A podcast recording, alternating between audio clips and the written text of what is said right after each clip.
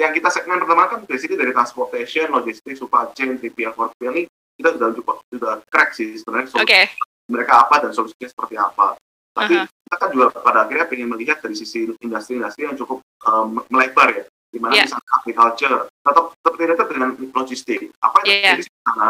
Stack segmen industri seperti itu, seperti mining. Seperti apa sih problemnya? DS Podcast minggu ini bersama saya Yeni Yusra.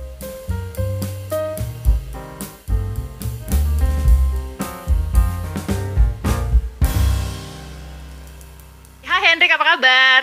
Halo, halo Mbak Yusra, Mbak Yusra. ya ini, ya ini Yusra nama belakang gue. uh, senangnya ya bisa ketemu sama Hendrik meskipun via Zoom. Tapi before we dive in into the conversation, Hendrik bisa jelasin nggak sih Make Easy itu apa sih? Uh, barang apa nih? Produk apa Make Easy ini nih? Jadi sebenarnya Make Easy itu kan kita uh, fast growing B2B SaaS ya. Jadi yeah. software as a service kita fokusin the B2B segment di Indonesia uh, sebenarnya our dream itu sebenarnya connecting transportation and supply chain ecosystem di Indonesia. That's hmm. our dream. Jadi one of the initiative yang kita lakuin juga basically we want to connect more than one million commercial fleet di Indonesia. Sebenarnya hmm. commercial fleet di Indonesia itu ada sekitar 5 juta sih. Jadi kayak uh, banyak approach yang kita lakuin untuk supaya ini bisa happening lah sebenarnya di sana. Oke, okay. jadi ini uh, SaaS company ya, SaaS platform ya? Tapi uh, targetin ke logistik. How is it sih, uh, Hendrik? Mungkin uh, Hendrik bisa share lanskap logistik di Indonesia uh, meskipun pandemi masih ada tapi udah mulai melanda itu so far gimana? Karena kalau kita lihat pas pandemi kan booming banget ya. Sekarang trennya masih tetap uh, ke atas, tetap mulai stabil nih.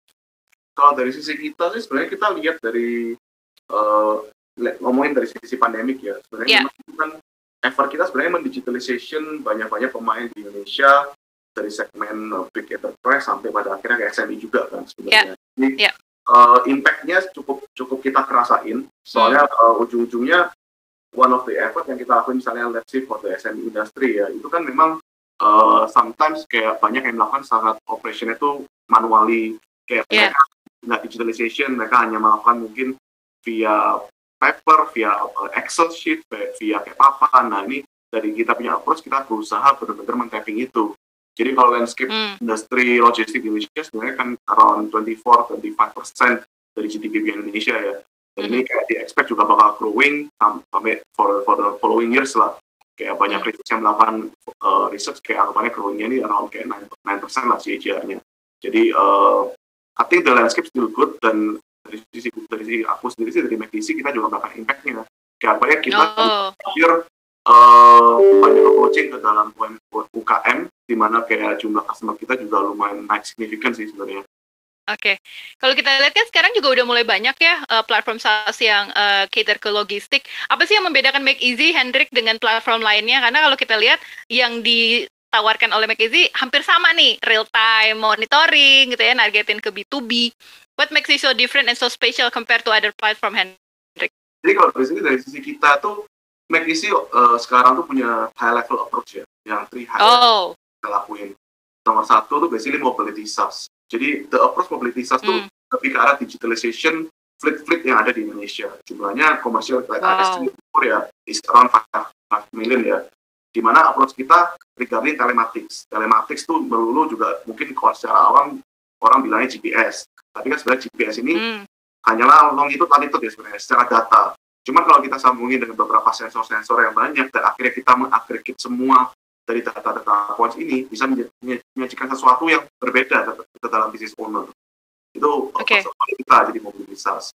Terus kalau dari nomor mm-hmm. dua kita lebih vertical solution SaaS itu lebih ke arah kalau secara komersial kita punya produk mungkin TMS Transportation Management System dan Driver App. Ini salah satu approach yang kita lakuin yang kita sudah lakuin itu kita benar-benar ingin mendigitalkan memang pemain-pemain transportation dan logistik di lapangan ini yang mungkin jumlahnya hampir satu juta ya kayak on six thousand thousand thousand jadi kita benar-benar ingin make sense anggapannya orang-orang ini benar-benar bisa uh, merasakan sih sebenarnya digitalization itu apa dan impactnya sebenarnya ke arah mana nah, hmm. terus okay. pada akhirnya ya kita nggak kemungkinan banyak corporation-corporation yang cukup besar itu juga kita berusaha mengintegrasikan jadi kita lagi punya isi ekosistem jadi kita juga hmm. uh, lebih ke arah bisa integrasi dengan existing mereka punya ERP, existing mereka punya platform atau platform hmm. lain cara sih. Jadi nggak hanya mengkonekkan data, tapi pada akhirnya kita berusaha uh, bring something yang impactful lah terhadap suatu bisnis itu. Ini nggak gedein ekosistem emang kayaknya sekarang lagi fokus banyak startup ya, bukan cuma logistik tapi agriculture, aquaculture, sampai social commerce juga kita mau ngegedein ekosistem. Uh, buat logistik sendiri ngegedein ekosistem ini impactnya atau efeknya lebih ke mana sih menguntungkan untuk klien atau untuk make easy sendiri untuk menerapkan teknologinya?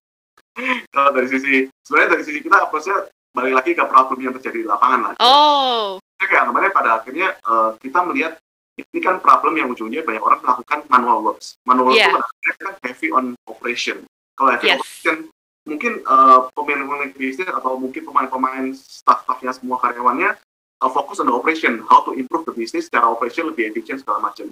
Yeah. Cuma dari kalau misalnya nggak ada digitalization effort itu bakal menjadi suatu masalah. Karena uh -huh. kunci pertamanya harus terintegrasi, harus transparansi, semuanya tersambung jadi satu, pada akhirnya baru bisa terlihat dong apa yang menjadi business decision yang bisa dilakukan. Itu sih. Oke.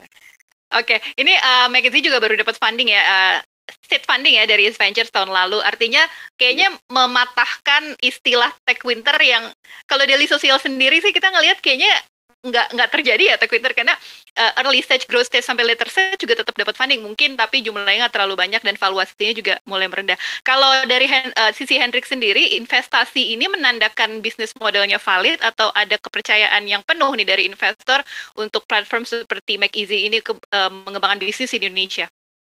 Jadi kalau misalnya dari memang sisi funding sendiri sih memang last year itu quarter 3 kita mendapatkan memang dipercaya dapetin seed funding ya terus baru Ventures lagi ya Venture terus uh, this year juga kita series A closing oh ya yeah.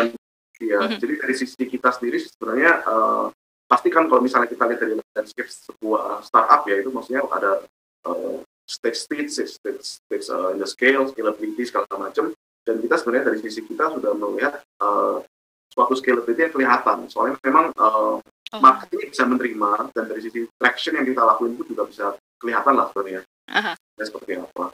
Oke. Okay. Tips dong Hendrik supaya tetap bisa sustainable dan tetap clean saat ini uh, sebagai uh, startup. Gimana sih caranya supaya tetap bisa sustain tapi bertahan dan survive saat uh, so-called tech winter ini, Hendrik? Jadi kalau misalnya dari dari saya sih, aku sama Raymond sebagai sebagai apa uh, co-founder dari Mac ini ya, mm -hmm. kita mhm. sih to be honest lumayan konservatif ya. Secara, uh, secara profitable ya mikirnya ya kita pasti pada akhirnya ya kita not not melulu profitable tapi pada akhirnya kalau kita memang ditunjang dengan growth yang kita harus sampaikan kan tapi tapi okay. dengan kondisi yang sekarang mungkin banyak people menyebutin kayak Twitter segala macamnya mm-hmm. kita sih pada akhirnya kita kan harus memantau matrix-matrix yang kita lihat pada yeah. akhirnya kita benar-benar uh, sangat peka dengan what what happen lah kalau memang mm-hmm. secara growth secara segala macamnya lima oke okay, ya kita bisa tetap push tapi kalau mm. ada something yang nggak oke okay, kita harus melihat kan what happening Hmm. Karena dari sisi jumlah people pun yang kita punya pun sekarang juga berkembang cukup pesat. Of course banyak beberapa yang kurang efisien. Kita harus benarkan yeah. sistem secara flow, secara bisnis hmm. proses. Oke. Okay. At the end of the day, kita pasti semua juga ingin sebuah bisnis yang sustainable ya. Yeah. Dari pun juga selalu kita bilang juga kita ingin making suatu company yang sustainable. Hmm. Ya, Oke. Okay. What next nih untuk Make Easy next year, Hendrik? Apakah fokus ke funding lagi atau fokus cari klien, fokus ke SME, apa nih? Kalau kita sih uh, kalau funding ya itu mungkin ada pos yang kita harus bicarakan tapi dari sisi kita punya ini kita cukup aman sebenarnya. Okay. Tapi kalau dari sisi of course pada pertama jadi pertama kalau SaaS industri kita harus fokus pada produk ya produk kita sendiri. Hmm. Karena kenapa? Kalau SaaS itu kan sebenarnya intinya software as a service. Kita harus yes. tahu dari ke arah mana. Dan dari sisi tim kita pun produk development dari sisi growth, product engineering segala macam ini harus mengerti sebenarnya produk yang bisa diterima di market itu seperti apa sih.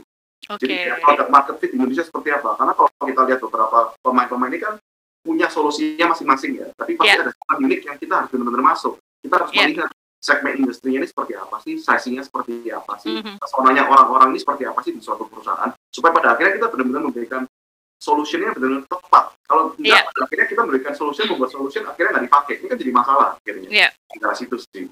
Tapi sorry, last, last but not least, Hendrik, you guys already cracked the formula nggak sih pain point dari uh, enterprise atau SME in terms of logistik atau masih nyari nih sampai saat ini, Hendrik?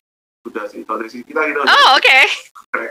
Jadi uh, yang kita segmen pertama kan dari sini dari transportation, logistik, supply chain, 3PL, 4PL ini kita sudah coba sudah crack sih sebenarnya solusi okay. mereka apa dan solusinya seperti apa. Tapi uh -huh. kita kan juga pada akhirnya ingin melihat dari sisi industri-industri yang cukup um, melebar ya, di mana yeah. misalnya agriculture tetap tetap related dengan logistik. Apa yang yeah. terjadi di sana? Spek segmen industri seperti itu, seperti mining, seperti apa sih problemnya? Terus kita bisa bisa membantu seperti apa?